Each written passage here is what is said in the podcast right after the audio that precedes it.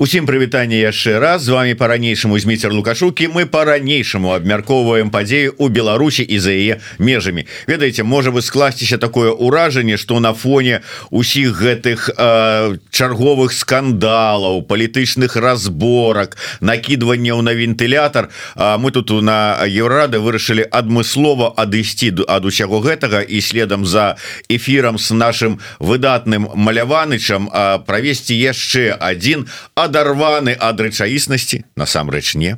Эфир. Таму что з нами а, зараз у эфиры пісьменніца перакладчыца вандроўніца Ганна Янкута. Добрый день спадарня Ганна. Добрый день. Дякую что нарэшце дайшлі до нас. Хотя памятаю даўным-даўно я вас запрашаў до себе ў студыю но что-то вот вы а, былі іншым заняты. Да прыкладу вандроўкай у Аргентыну. А мы тут зараз маляванычым узгадывалі словы нашага класіка владимира караткевича ну наконт рабі нечаканая ваша вандроўка в Аргентыну гэта была з гэтага ж такое кірунку? Рабі нечакана сядзела ганда янкута і потом что там мне такого нечаканага зрабіць? Арвану-ка я в Аргентыну! Ці як это было насамрэч пэўная рацыя ў гэтых словах ёсць бо хаця я марыла пра падарожжа ў лацінскую Амерыку вельмі даўно доўгі час часуню і магчымасцяў на гэта не было. Ну бо як было у нармальным так бы мовіць спакойным жыцці да двадцатого года то то праца то яшчэ нешта то тое то сёе увесь час разумееш што тут трошачки пазней трошачки пазней а тут я аказалася ў такой сітуацыі калі вельмі цяжка нешта планаваць увогуле. Я думаю што многія ім знаёмыя гэта пачуццё калі найбліжэйшы месяц планы ёсць а ўжо на наступны ўжо няма. І таму я зразумела што гэта сапраўды калі як не цяпер калі у нейкім сэнсе не я аказалася ў подвешаным стане ўсё яшчэ не до конца ведаючы ці я тут ці там ці дзе я ўвогуле. Гэта была цудоўная магчымасць просто спраўдзіць нейкую даўнюю мару. І вось так э, э, паміж э, варыянтам асталявацца ў Польшы варыянтам паехаць в Беларусці застацца ў Беларусі я выбрала варыянт адправіцца в Аргентыну вот так вот. Думала что ж мне рабіць застацца ў Польше застацца у Беларусі і поехала в Аргентыну как бы так логично. Так и атрымалася якія ўражанні і все ж таки вы ж э, не поехали так вот А вот сгоняю я на выходные. Ну там там чи скажем на на тыдзень там дзён на 10 вы ж поехали сур'ёзна так как бы подвіслі там.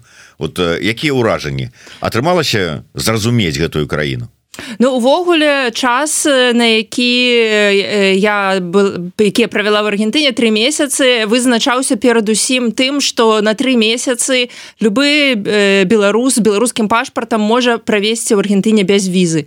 Просто прилятаешь гаворыш памежніку приехала переехала дзеля турызму і ён тебе пускай нават штампу пашпарт не ставіць что что вельмі важно для беларусаў так, сёння помогае эканоміць старонкі за што ім вялізны дзякуй. Таксама э, такі доўгі перыяд вызначаны безумоўна коштамі пералёту бо калі білет каштуе допустим 10-50 еўра то можна дазволіць сабе зганяць кудысьці на выходныя А тут ужо э, гэта трансатлантычны пералёт і безумоўна прыехаць на тыдзень адпачынку даволі складана і дарэчы кошт трансатлантычнага пералёту даволі добра кампенсуецца самімі коштамі ў Аргентыне бо гэта краіна ўжо з вельмі шматгадовым крызісам эканамічным.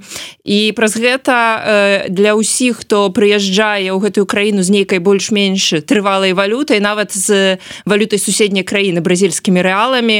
Гэта даволі недарагая даступная краіна. Таму у гэтым сэнсе гэта было патлумачанае перадусім магчымасцямі адкрытасцю Аргентыны три месяцы. По-другое гэта было пэўнымі эканамічнымі пытаннямі каб вось гэта таннае жыццё кампенсавала дарагі квіток. І і э, у цэлым мне ўдалося пабываць за гэты час шмат у якіх месцах. І месяц я пражыла в буэнас-айресе мы з мужам пражылі.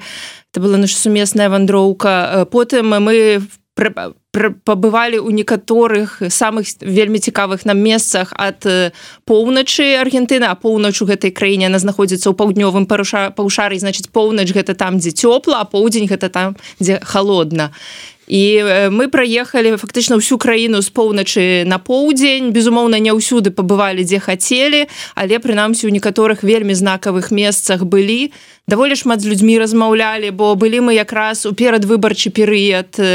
Напэўна многія бачылі навіны про тое что не так давно у Аргентыне быў абраны новы прэзідэнт хауер мілейкі правы кансерватор лібертарыянец. Мясцовы яго называют локо гэта значыць вар'ят ён абсалютна вар'ят мяркуючы. Яны так любя яго называюць ці, ці наадварот? что вельмі по-рознаму тому что якраз мы былі ў разгар прэзідэнцкай гонкі безумоўна людзі вельмі шмат а аргентынцы вельмі адкрытыя яны вельмі любяць размаўляць. Пастаянна сутыкаючыся нават на нейкіх турыстычных сцежках людзей пастаянна на чапляешься языкамі смолтокі завязваюцца і людзі вельмі хутка пераходзяць на палітыку. І э, не было таго хто сказал бы а мілей ну мілей мілей бо былі А хто это? былі тыя хто казаў Ух які жах толькі не мілей хто заўгодна абы не мілей а былі такія хто казаў зараз ён прыйдзе і ўсім пакажа таму абыякавых не было. а і таксама вельмі цікава было для нас у тым плане што мы заўважылі як эканоміка ўвогуле адрэагавала на гэтыя выбары. Бо у Аргентыне вельмі жудасная інфляцыя пастаянна абясцэньваецца аргентынская песа. Калі мы прыехалі курс быў каля 500 песа за даляр калі з'язджалі ўжо под 800 то бок за три месяца настолькі змяніўся курс і вось калі у жніўні на праймерыс мілей перамог курс просто імгненна на нас наступны дзень курс абваліўся процентаў на 10 такога абвалу за той час что мы там былі мы не бачылі. Таму ўжо тады было бачна что краіна так вось нібыта на вулкане сядзіць. Вот послухаюць э, нас зараз прапагандысты лукашэнкаўскія і скажуць вот тое самае было б калі б ціхановская выйграла э, але про іншае. Давайте ўсё ж таки про творчасць. Першым мы перайдзем да вось гэтых прыгожых кніжак якія наш гукааператор забараніў нам чапаць руками каб не сапсаваць картинку на творчасць. Гэта было адпачынак ад творчасці. Ці гэта быў пошук пасля того як кніга выйшла? Дарэчы ваша я вельмі здзівіўся вашай цытаце про тое что пасля того як кніга надрукаваная на памірае ваши словы э, так гэта для мяне было таксама пэўнае адкрыццё бо я даволі даўно працую з кнігамі нядаўна я зразумела что сапраўды гэта э, момант смерти пачынаецца здараецца ў той час як кніга надрукаваная бо любая кніга фіксуе нейкі стан э, напрыклад час пустазелля гэта кніга про э, пра час у варшаве у першыя месяцы вай пасля ўварвання рассіі ва ўкраіну. І э, я тады аднатоўвала вельмі шмат таго што адбывалася. І я цяпер калі я вяртаюся да гэтай кнігі я разумею што ўжо чалавека якая пісала гэтую кнігу ўжо няма. Ўжо ёсць нейкі іншы чалавек. Бок для мяне гэта ўжо нават не столькі гісторыя пра мяне колькі гісторыя пра кагосьці іншага. Бок то бок кніга фіксуе той стан які быў на момант яе выдання. Гэта тычыцца нават перакладаў як гэта не дзіўна. Бо кожны пераклад пішацца нейкай мовай. Гэта нейкая у тым ліку рэфлексія на тэму мовы якой мы можемм выкарыстоўваць і вяртаючыся да перакладаў якія я рабіла э, там 10 гадоў 5 гадоў таму я цяпер шмат гэтага раблю бо мы гэтыя пераклады разам з кніжным возам ператвараем у аўдыёкнігі. Я разумею что кожная кніга патрэбна пераглядаць пастаянна. Гэтак жа як все все пераклады я пераглядаю і праўлю вельмі шмат праўлю іх.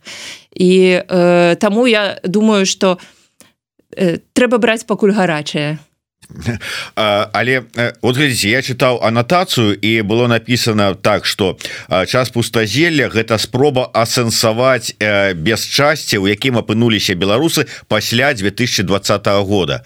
Так это ўсё ж таки пасля 2020 года і ну вот про беларусаў по пасля тых падзеяў ці пасля ўсё ж таки пачатку войны Я думаю пісалася гэтая кніга пасля пачатку войны гэта быў вельмі такі час Я думаю все мы памятаем что гэта быў час калі просто жыццё спынілася і было немагчыма зразумець дзе мы цяпер і як мы ўвогуле ў гэтым свеце можам э, жыць.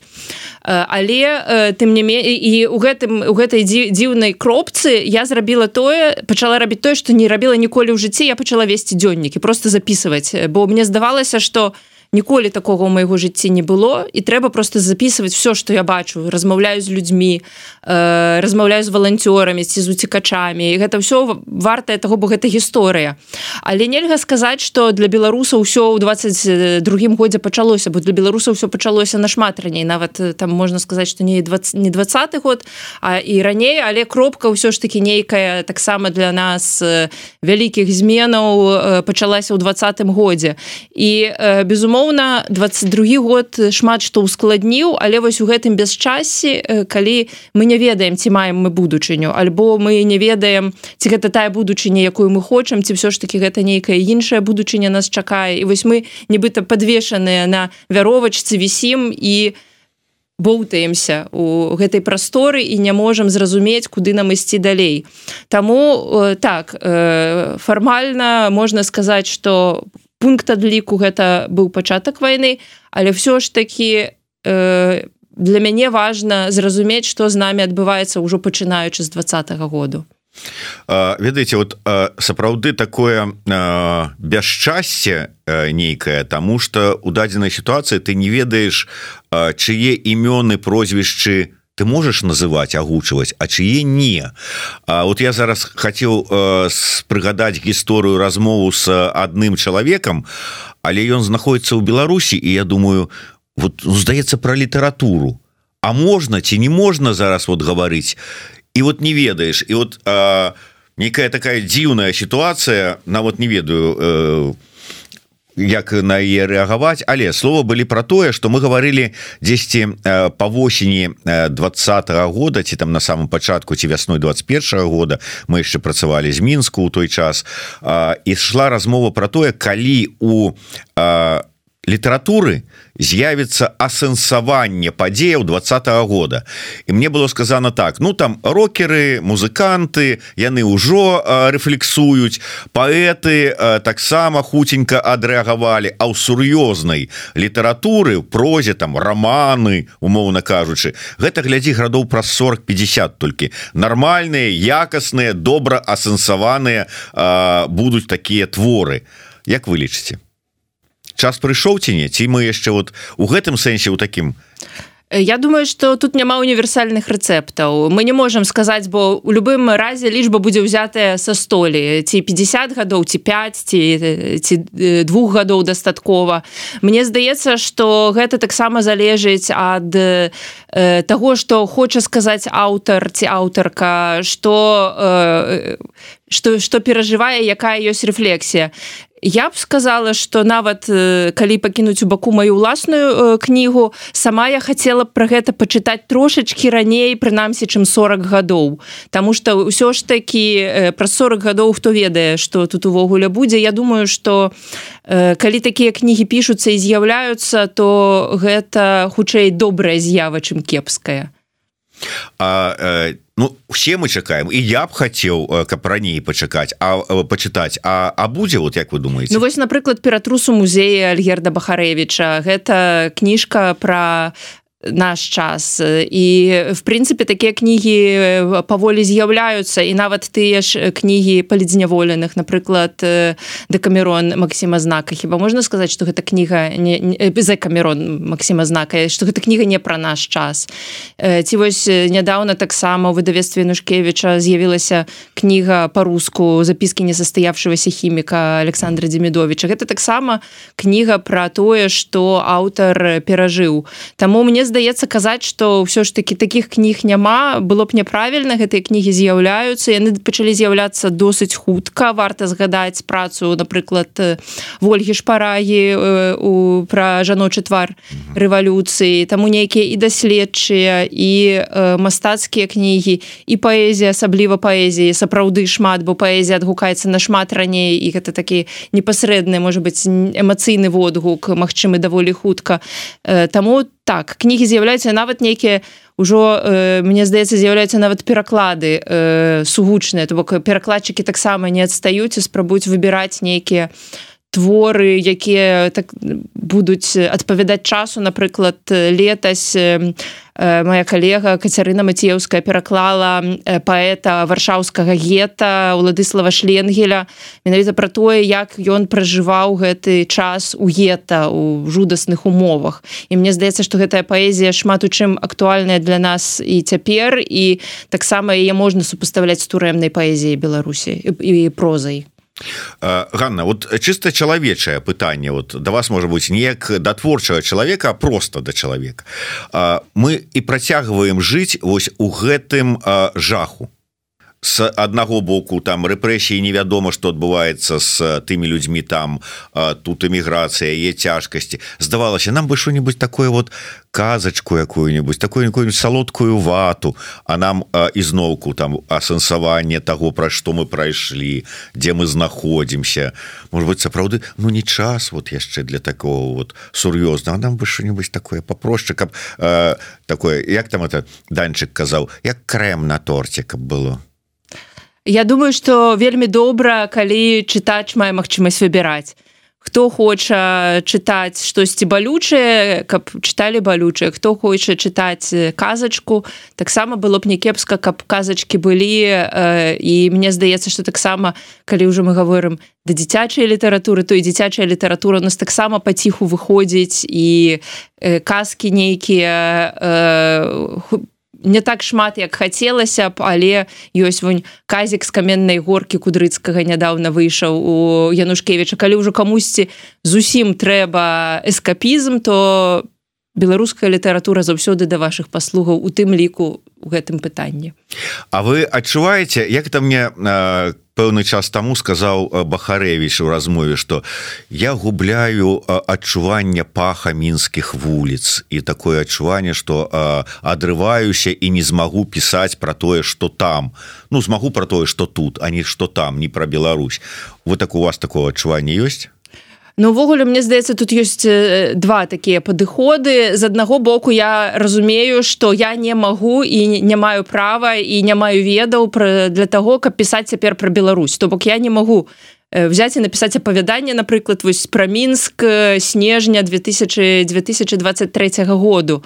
Э, тым не менш безумоўна мяне гэта вельмі засмучае але я спрабую знаходзіць нейкі іншы выхад. Калі я не магу пісаць пра мінск про тое што адчуваюць людзі ўнутры беларусі я магу паспрабаваць напісаць тое што адчуваюць людзі звонку беларусі. Напрыклад адна з мэтаў майго падарожжа ў аргентыну гэта было былі пошукі матэрыялаў пра беларусаў звязаных з аргентынай. І э, я э, знайшла даволі шмат цікавых рэчаў звязаных напрыклад з карласам шерманам які нарадзіўся в уругваю маладой спражыў у буэнас-айресе а пасля да канца жыцця ўжо атабарыўся ў беларусі. І таму калі я не магу пісаць пра пахі мінску я могу пісаць пра пахі буэнас-айреса і ў гэтых пахах таксама будзе штосьці беларускае. Таксама ёсць і другі падыход які здаецца мне магчымым. Гэта такая трошачки міфалагізаваць то бок фактычна уяўляць мінск. Мачыма гэта будзе ці іншае месца ў беларусі. Мачыма гэта не будзе зноў жа мінск ці э, жабенка ці брест ці там не ведаю ліда э, снежня 2023 года але гэта будзе нейкае такое агульнае ўяўленне агульная атмасфера тое як мы гэта бачым. І нейкі міф э, нашай краіны. І мне здаецца што міфатворчасць гэта таксама адзін з таких плённых э, шляхоў цяпер для нас э, прынамсі каб стварыць нейкі вобраз э, краіны. А сапраўды вельмі как бы цікавая. З іншага боку я вот пасля того як выйшаў альбом вольскага эмігранты чуў такое меркаванне что ну вот напісаў ён альбом про тое чым жывуць что хвалюе якія праблемы у эмігрантаў. А нам там у Беларусі ну гэтыя ваши праблемы ну как бы вельмі далёка гэта не наша і яны нас асабліва это і не хвалююць. І вот няма такого адчування что калі мы тут будем вот писать про сваё ну тому что что мы напишем про тое что там вот про вы правильно сказали то такое вот как бы адрыв будзе паціху ад разыходжанне.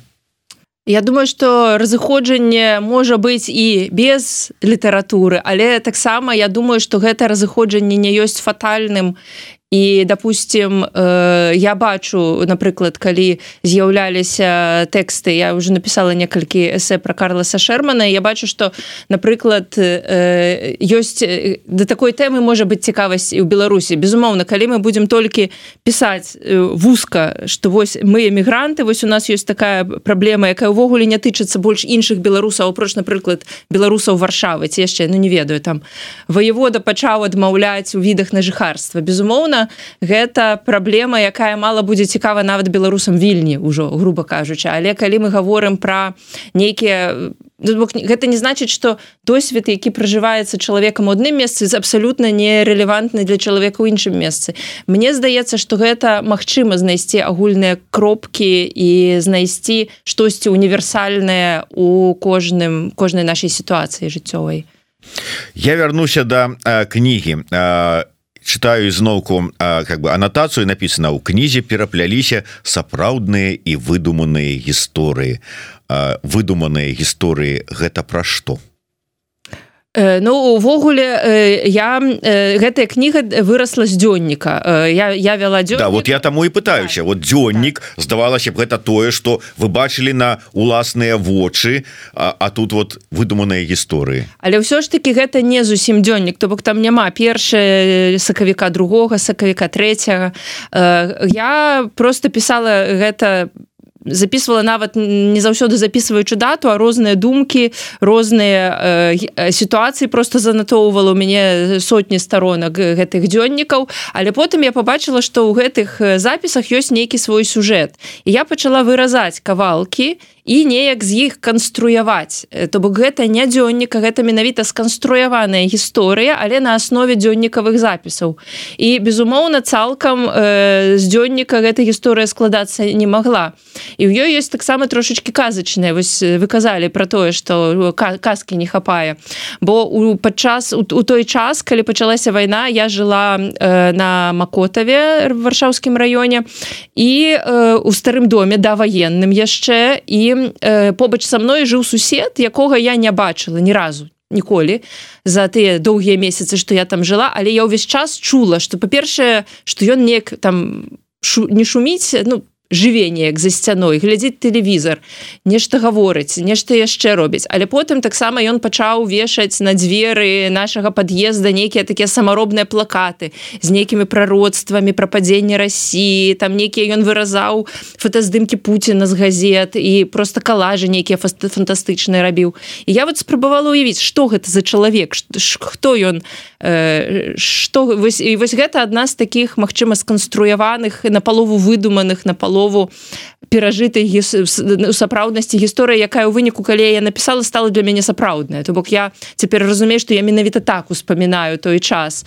І э, гэта мне здаецца адна з рысаў нейкай такой здрадлівасці падступнасці нашай памяці. Нам здаецца што мы вельмі дэтальна ўсё памятаем але насамрэч нават расказаўшы нейкую гісторыю сябрам і трошачки там можа прыхлусіўшы ці штосьці перабольшыўшы мы можам праз некаторы час ужо успамінаць гэта як праўду. Нібыта мы сапраўды вось гэты перабольшаны варыянт паду э, э, пражылі.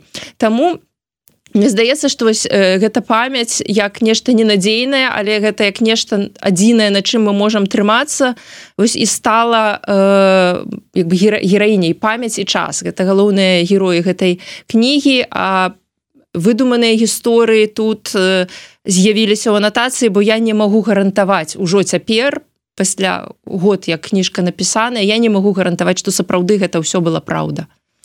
Uh, мне вельмі зачапіла гэтае слово про бясчасце. Uh, бясчасце правільнее болей сказаць. Uh, я вот не магу асэнсаваць для сябе як я чувствую сябе вот у гэтым стане бясчасця. Вот вы асэнсоўвалі вот для сябе вот як як вам маецца ў гэтым часе?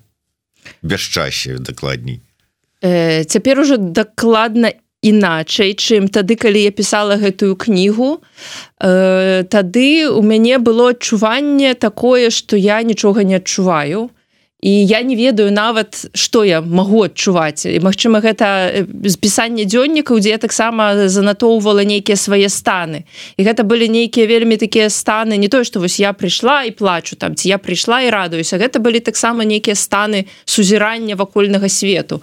Бо калі не было на што абаперціся ўвогуле у вонкавым свеце ты спрабуеш абаперціся на нейкія дробязі побытавыя. Там не нейкая не ведаю багоўка бяжыць паўзе по дарозе там по асфальце ці нейкае дрэва зацвіло ў суседнім двары. І ты ўжо гэта заўважаеш і гэта таксама неяк дзеліць час і э, дапамагае неяк зразумець што вось я на гэта гляджу я нешта перажываю. І э, у нейкім сэнсе мне здаецца што гэтая кніга яна якраз для мяне пісанне яе было для мяне вот гэтым разуменнем того як я сябе адчуваю ў гэтым бесчасці. То бок я не могла гэта разумець вот як звычайна. Мы живвем там разумеем что мы штосьці адчуваем а тут я толькі дзякуючы пісьму могла зразумець что я адчуваю і э, чым хто я ёсць у гэтым адсутнасці часу можна сказаць что гэта ў прынцыпе як это там дзе-то я вычытаў что эта кніга яна как бы такая агульная одна гісторыя на мяжы мастацкай і дакументальнай прозы. Так так гэта я увогуле люблю піса пісаць ці гаварыць что гэта нават на мяжы э, мастацкай як фікшн самапісання аўтафікшн і дакументальнай нон-фікшн. Бо тут ёсць таксама дакументальная лінія э, ну гэта по перадусім нават не дакументальна ў сэнсе што вось апісанне рэальнага свету а таксама вось як літаратура факту нон-фікшн. Бо э, для мяне адна са спробаў як бы збегчы ад кепскіх навінаў якія былі пастаянна штодня было хадзіць у варшаўскі геалагічны музей. Я жыла просто праз вуліцу літаральна ад варшаўскага геалагічнага музея. Гэта вельмі цікавы незвычайны музей да таго ж бясплатны таму я ўсім раю туды зазірнуць калі вы яшчэ там не бывалі асабліва з дзецьмі там прыгожыя макеты дыназаўраў. І э, я просто хадзіла і разглядала ўсе гэтыя каменьчыкі якім 500 мільёнаў гадоў 200 мільёнаў гадоў 50 мільёнаў гадоў. І тады я думала ну вось 500 мільёнаў гадоў вот гэта сур'ёзны час. А вось тое что мы вось беларусы ўжо два гады ўжо тры гады не можам вярнуцца дадому ці жыць спакойным жыццём. Напэўна з гледзяшча нейкіх іншых сістэмаў каардынат гэта яшчэ толькі секунда а не час. І Таму адна з ліній я просто разглядала стэнды і просто опісывала як жыццё развівалася. Гэта было для мяне таксама вяртала мне адчування часу что вось час ідзе 500 мільёнаў 400 мільёнаў 300 мільёнаў что тут варта глядзець большими катэгорыямі. І вось гэта опісанне геалагічных эпох гэта таксама ёсць такая ўжо э, нон-фікшн лінія гэтай кнігі. Вы там э, спрабавалі э, знайсці адказы на ўсе свае пытанні у гэтым геалагічным музеі там праз погляды спробы там прачытаць гісторыю каменьчыка 500 мільённай даўніны так ну не можа не на ўсе але на многія бо той же самы каменьчык ён можа несці не толькі сваю гісторыю бо напрыклад там ёсць допустим каменьчык на які налепленая маленечкая налепачка і на ёй ёсць імя і год калі яе знайшлі і хто гэты від апісаў. І я напрыклад брала в інтэрнэце і глядзела что гэта за чалавек і глядзела гісторыю гэтага чалавека. То бок не толькі сама скамянела атрымалась але і чалавек які я яе адкрыў допустим. І э, напрыклад я бачыла что гэты чалавек памёр у 50 гадоў. І гэта таксама уже такая загадка. Чаму вот гэты вынаходнік чалавек які займаўся любімай справай капаўся ў камянях паміраю 50 гадоў. І вось кожная гэтая лінія яна нараджала шмат новых ліній. І часам гэтыя лініі прыводзілі наўпрост у маё жыццё. Мяжа вот якая якое значение які вобраз які сімвал гэта мяжа атрымала ў вашай кніге Ну, увогуле мне здаецца мяжах это штосьці э, надзвычай важное цяпер для беларусаў. Это межы якія мы можемм перасячы ці межы якія мы не можемм перасячы ці межы якія хтосьці перасякае і ператвараецца ў такі мост паміж э, двума светамі якія все больш аддаляюцца адзін ад аднаго. Напрыклад ёсць людзі якія ездзяць э, в Беларусі прыязджаюць з Беларусі такім чынам злучаюць нашыя сусветы. І нейкім чынам усё ж таки праз мяжу ўсё яшчэ могуць ісці нейкія падарункі і прывітанні і э, рэчы увогуле кнігі і, і самі людзі перамяшчацца. Таму мне здаецца што гэтае наше існаванне на мяжы яно э, э, з усімі адпаведнымі з памежнікамі з, з кантрабандай э, з усімі рысамі мяжы гэта штосьці для нас вызначальнае. Таксама у мінулым годзе я ездзіла э, некалькі разоў у Беларусь сама перасякала яшчэ гэтую мяжу і таксама таксама назірала многія сцэны якія там адбываліся і гэтыя сцэны мне здаецца вельмі шмат расказваюць там некае пра тое што змяняецца ўвогуле бо э, э, бачна наколькі даўжэй ты едзеш э, тым самым маршрутам што тыя там 100 кіламетраў там раней гэта было допустим там полторы гадзіны а цяпер потым гэта было 5 гадзін а потым гэта было 12 гадзін. Увесь час у э, штосьці змяняецца. І як мяжа гэта як і разлом і месца сустрэчы адпаведна мне здаецца это такая вельмі добрая метафора каб пагаварыць про тое что у нас адбываецца. Вот пагаварыць і ў дадзенай сітуацыі мова яе значэнне. Мы зараз шмат чую я про тое что ну вот зараз для беларусаў мова яна вот нарэшце стала значным вот яны разумеюць яе значнасць. Это сапраўды так вот что для вас мова? Э, для мяне мова гэта заўсёды был я, я заўсёды колькі себе памятаю жыву з мовай я нават некалі придумала для сябе такое значэнне э, моўная актывістка. То бок э, я перакладала э, безумоўна з вялікай любові да літаратуры і перакладала і займалася даследчай працай потым пісала свае кнігі безумоўна бо таму что мне цікава мне падабаецца прыдумляць гісторыю я люблю літаратуру я люблю ператвараць тэкст з адной мовы на іншую але перадусім за ўсім гэтым заўсёды стаяў вось як я жартую моўны актывізм бо мне было вельмі важна каб і, і цяпер важна і раней каб просто як мага больш кніг з'яўлялася по-беларуску просто нават статыстычна. Калі я бачу што вось напрыклад у пасля двадцатого года у 21 я писала агляд у канцы года про літаратурныя праекты. Я бачыла наколькі імкліва скарацілася колькасць кніг просто вось статыстычным. Было там выходзіла допустим там умоўна скажем 70 а стала выходзіць 25 і гэта тое что я лічу і як свай сваёй прафесіі і чымсьці найважнейшым для мяне. Нават калі не я пишу кнігу я магу неяк паспрыяць яе выхаду я заўсёды зраблю все что я магу бо гэта адна з таких моих мэтаў можна сказать якія паставіла сабе ў жыцці Ці я вот э, постоянно як толькі прачытаў про тое вот э, что часы бясчасця адразу узгадаў гэтую цытату кітайскага філосафа про тое что не дай вам жыць у часы пераменаў а для беларусаў відаць не да і не дай вам Бог жыць у часы бесчасця да? Вот. пераменаў таксама бо мы не можемм сказаць что пераменаў не адбываецца. Мачыма гэта не тыя перамены якіх мы чакаем але безумоўна все мяняецца. Таму гэта сапраўды час такі э, не самы прыемны для нейкага такого простага і спакойнага існавання.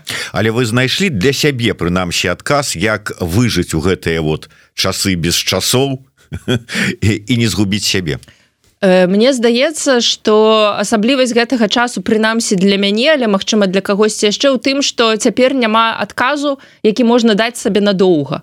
Увесь час э, трэба шукаць гэты адказ нанова.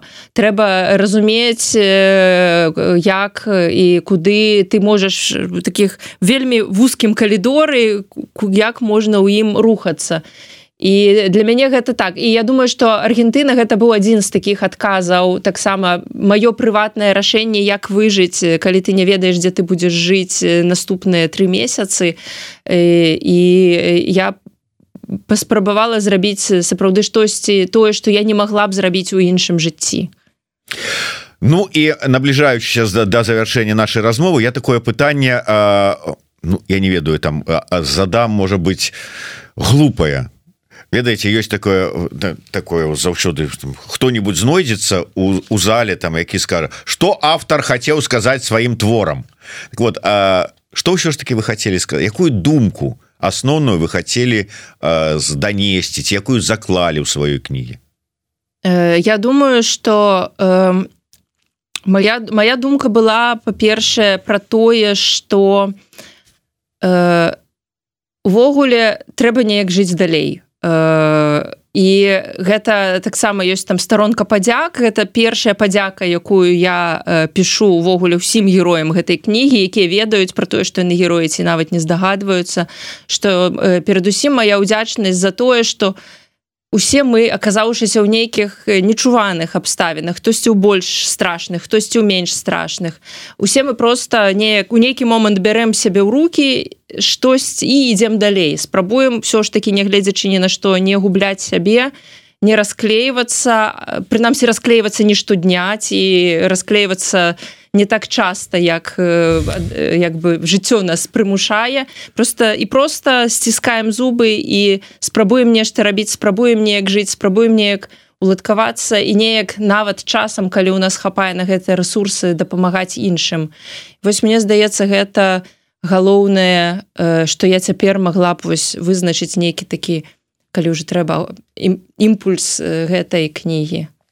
Ведаеце на завершэнне хотел сказать спытаться ну такое вот э, ну нормальное в принципе для размовы с літаратарам с любым творчым человеком где можно с вашей творчасцю познаёмиться где набыць там кнігі альбомы и гэтак далей. Але ў дадзеным выпадку я так подойду да інша мы ж нездарма сустрэліся менавіта сёння потому что завтра ёсць магчымасць сустрэцца з ганнай жыўцом у офлайн як цяпер э, модна казаць. Дзе что і что мы там побачым і якія магчымасці у наведвальніка будуць. Апроць того задавальнення каб чуць і бачыць вас вялікі дзякую за гэтую магчымасць. Расказаць сапраўды заўтра будзе прэзентацыя гэтай кнігі якая будзе ладзіцца у моладзевым хабе на дажынковай у 1830 я вельмі запрашаю туды прыйсці бо сапраўды кнігу там можна будзе набыць хаця там кнігу у гэтым памяшканні новым можна заўсёды знайсці як і на э, сайте кніга ў кавыдавецтва янушкевич і на алегра і я буду там расказваць больш шырока чым я і магчыма магчыма больш сістэмна менш хаатычна буду э, расказваць про гэтую кнігу як яна з'явілася. Таксама э, буду расказваць нейкія таямніцы гэтай кнігі напрыклад про тое як э, у адным месцы я зразумела что я просто пераблытала мінулую будучы і будучае у гэтай кнізе і але потым вырашыла не выпраўляць гэтую памылку.